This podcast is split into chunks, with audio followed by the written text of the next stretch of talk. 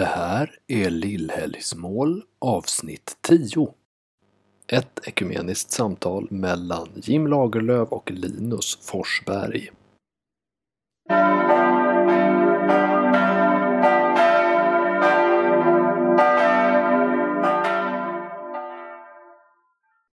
Klockorna har ringt och våran podd Lillhällsmål fyller tvåsiffrigt. Avsnitt 10. Tionde avsnittet. Ja, det, det har gått fort det här. Absolut. Och vi som sitter här är som vanligt Linus Forsberg och Jim Lagerlöf är här också. alltid lika trevligt att träffa dig Jim. Samma. Och något annat som är trevligt är att vi har fått en del reaktioner på de senaste avsnitten. Bland annat så har jag en, eh, en vän som också är presskandidat i Växjö stift som skrev, skrev att hon följer, har lyssnat på varje avsnitt, att hon inspireras väldigt mycket av framförallt slutet av varje avsnitt där vi pratar om hur vi konkret kan leva ut evangeliet. Jag tycker att det är väldigt värdefullt. Mm. Hon hade också ett önskemål som jag sa att vi kanske inte riktigt kan leva upp till än. Vad kan det vara? Hennes önskemål var om vi på sikt också vill ge oss in i Gamla Testamentet. Och det tänker jag kanske bli när vi har börjat beta av, Det tar vi nästa år då. jo precis, Nya Testamentet. Jag tycker ändå det är bra. Nya Testamentet behöver en egen podd tänker jag på. För det finns väldigt mycket intressant att säga om nu hoppas jag sa Gamla Testamentet för det var det jag menade. Ja, det sa nya. Ja. Men Gamla Testamentet. ja, just det. Gamla Testamentet. Det finns väldigt mycket intressant där och det finns väldigt mycket som vi kristna, jag tror ibland har glömt, som vi har att återupptäcka i Gamla Testamentet. Jag tror att Oh, det ja. finns många förenklingar när det gäller Gamla Testamentet. Så tack så jättemycket för det tipset. Jag har också fått ett annat eh, förslag, ett tips från en, en vän som lyssnar. Hon, hon sa så här, borde ni inte följa upp mera hur ni har levt under veckan? Men det är bara det att jag och Linus alltid misslyckas med att... Eh, nej, då. nej, det kanske vi ska göra. Bli bättre på att följa upp. Vi får se lite grann hur vi lyckas med det. Att följa upp. Och ni får gärna, ni som lyssnar, får gärna berätta om det är något särskilt som ni har hört att vi har sagt, som ni har tagit intryck av. Det blir vi jätteglada för. Ja precis, vi har ju börjat använda oss av våra sociala medier ännu mer. Inte bara tipsa om när nya avsnitt har kommit ut utan även dela lite reflektioner under veckan kring det vi har pratat om eller kring det vi missade att prata om, tror jag det var någon gång. Men också slänga ut lite frågeställningar till er. Och det blir ju roligare ju fler vi är som interagerar med varandra. Att vi hjälper varandra att eh, förbereda oss inför söndagen. För det är väl lite grann det vi vill göra. Det är den ena saken som vi tycker är viktiga. Förbereda oss inför söndagen genom att liksom ha läst i förväg och tänkt själv lite grann. Och sen också den här andra saken som är så viktig för oss i Lillhelgsmål-podden här. Det är väl att man ska försöka hur, hur lever vi det här då? Hur tar vi emot budskapet i våra liv? Hur kan det bli verklighet på något sätt? Jo, verkligen. Och det här är ju ett eh, ekumeniskt samtal där vi möts över samfundsgränser och eh, det leder in på den kommande söndagen i Svenska kyrkan som har Jaha. temat enheten i Kristus. Aj då. Och det är 14 söndagen efter trefaldighet. Och där kommer vi läsa från Johannes evangeliet 17, verserna 9 till 11. Och det här är en del av Jesus avskedstal där vi bland annat får vara med om ta del av en bön som Jesus ber. Och i den här bönen så tänker jag att det finns tre stycken nycklar. Det ena är just det som jag var inne på som också temat är. Det är att Jesus ber om en enhet. Jesus ber för enhet. Att vi ska kunna förenas, att vi ska kunna mötas, att vi ska kunna hålla ihop. Mm. Och i den enheten, där finns också ett kanske ännu starkare nyckelord. Inte minst under Jesu tid, men kanske också i våran tid. Och det är gränslösheten. Att ska vi få en enhet, då kan vi inte sätta upp gränser och säga att den här personen liksom är så pass långt ner på samhällsstegen så den ska vi inte ta med in i, i gemenskapen. För där sprängde Jesus verkligen gräns på gräns genom att umgås med dem som många andra som hade samma status som Jesus hade eller hade kunnat ha vägrade att umgås med. Ja.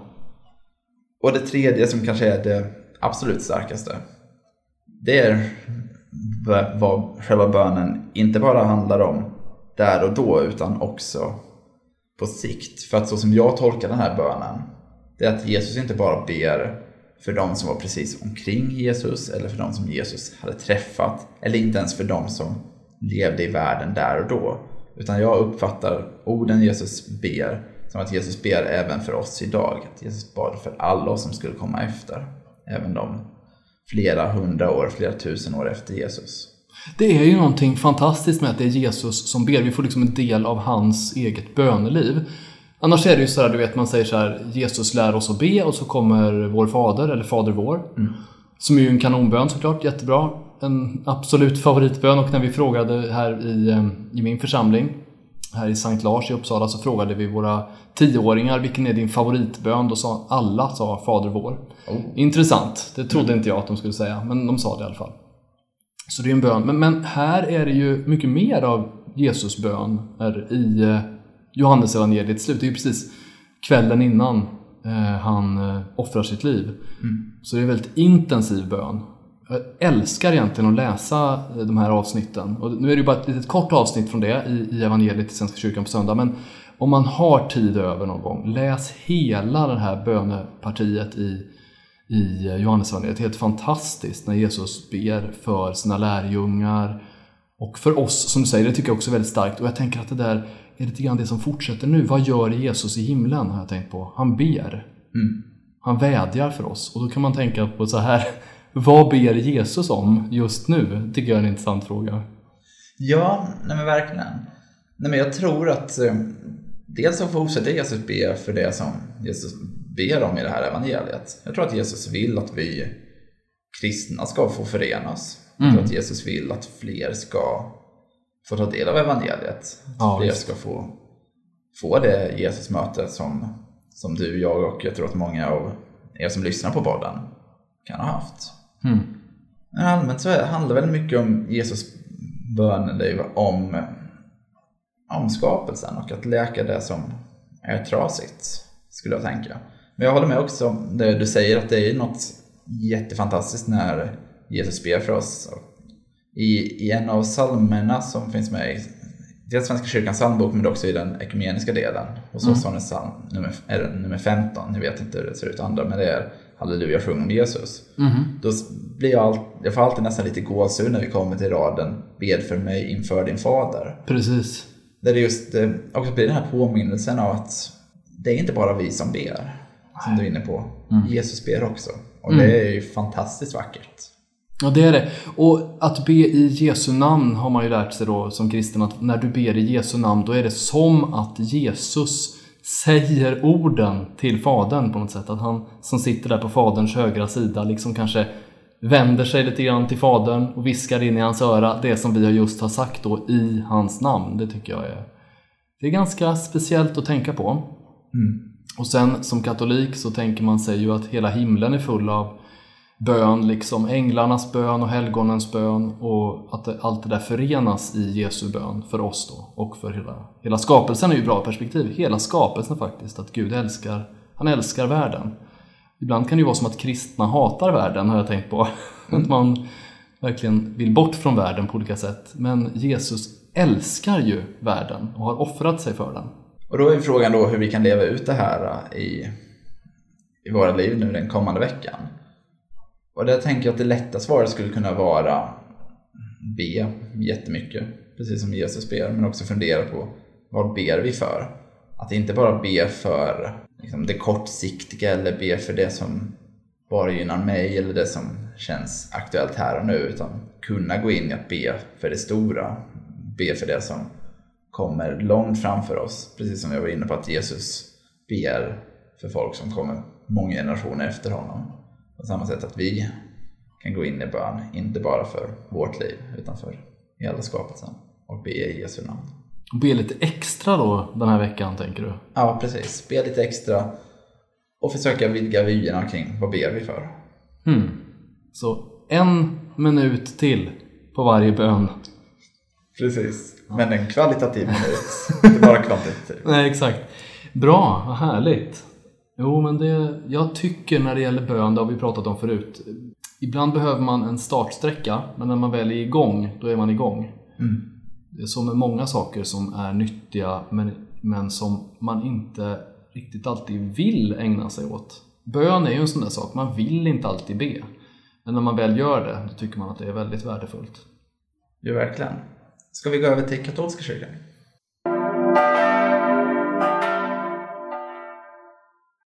Det är lite tråkigt på ett sätt, för vi har redan pratat om den här texten. Jaha. Men så där kan det ju vara ibland. Det här är ur Markus evangeliet, jag tror kapitel... eh, Vi har läst nämligen texten från Markus evangeliet kapitel 7, som du pratade om, jag tror för två avsnitt sedan. När Jesus botar en man eh, som är dövstum genom att säga det här fantastiska Efata, öppna dig. Och det som jag fastnade för då, förra gången pratade vi om helande, den här gången tänkte jag prata lite grann om hur människor hanterade det. Och det, det står nämligen att folk säger så här, det här är helt fantastiskt det som Jesus gör. Han gör att blinda kan se, att döva kan höra. Och det är verkligen fantastiskt. Och ofta så tänker man på att eh, Jesus, han är lite känd för att göra underverk, fantastiska saker. Och det är klart att eh, så är det ju. Jesus gör, han bryter gränser. Men det är värdefullt att vara med Jesus även om han inte alltid gör under. Oh ja. Och ibland är det faktiskt så att saker som han gör inte märks eller syns alls. Har jag tänkt på. Han kan liksom verka i det fördolda också. Han kan göra fantastiska saker som vi inte märker med en gång. Ett under märker man ju direkt. När det händer något sånt där. Och ibland är Gud lite känd för det. Det kan till och med bli så här. Jag vill tro på en Gud som kan göra under. Ja, absolut. Men tro också på en Gud som inte alltid vet, sprakar och brassar på. För det finns ju också den här, den här Jesus, va? han är också känd för att verka i utkanten, i det fördolda. Det finns ju en gammaltestamentlig text där Elia sitter i en grotta och väntar på att Guds ande ska komma. Och anden är inte i stormen och inte i åskan utan anden är då i det stilla susningen som det står på svenska eller i ljudet av ingenting som det står på hebreiska.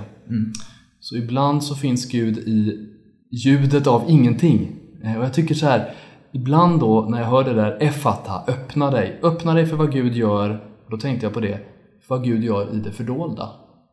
Leta efter Gud där du inte är van att tänka dig att han är.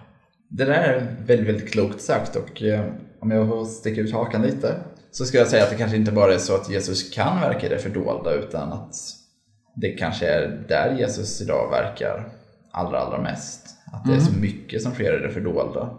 Men en del förstår vi, en del kommer vi aldrig förstå att det hände. Sen finns det där sprakande. Men att det kanske är ännu mer i det fördolda än vad vi själva förstår.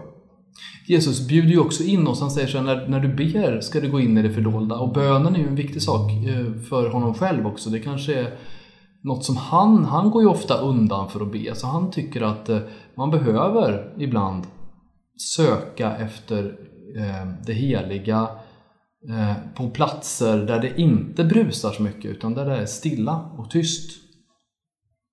Och jag tänker om jag skulle ge ett tips då till någon som ska leva det här budskapet, det är såklart gläd dig för det som, som du märker att Gud gör, som du redan vet om, där det verkligen brakar till. Men jag tycker tipset är leta på någon plats där du inte tänker dig att Gud är. I kylskåpet kanske. Och jag menar allvar. Kolla i kylskåpet om Gud är där. Eller kolla i förrådet om Gud är där. Eller på bussen när du är på väg till skolan eller jobbet. Är Gud med på bussen på något sätt? Ja, det är mitt tips då angående det här som Jesus säger. Öppna dig. Öppna dig. Och inte bara för det som är uppenbart, synligt och tydligt utan kanske också för andra saker. Det där är ett väldigt bra tips. Jag hade lite som en käpphäst när jag gick på högstadiet att jag vägrade gå med på att det fin- finns någonting som heter slumpen. Att jag, när folk sa men oj vilken slump att eh, vi råkade träffas. Så var jag alltid opponent mot det. Och, eh, även om jag då inte alltid satt, liksom uttryckte det så tänkte jag att nej men det är nog inte en slump utan jag tror att det är här Gud har varit inne och verkat. Ja, visst. Nej men verkligen, det, det fick man nog med sig tidigt tyckte jag. Jag blev ju troende i vuxen ålder och då var det nog mycket så här att jag vi, kunde få vila i att det finns en mening också i det som ser meningslöst ut. Mm. Angående det här med slumpen då. Men absolut, det tycker jag också är en viktig, viktig sak. Jag tänker att eh, med det är det kanske dags att avrunda det här avsnittet och med glädje blicka fram mot söndagen. Snart är det söndag, vad härligt! Väldigt härligt. Uh -huh. Och vi hörs igen om en vecka.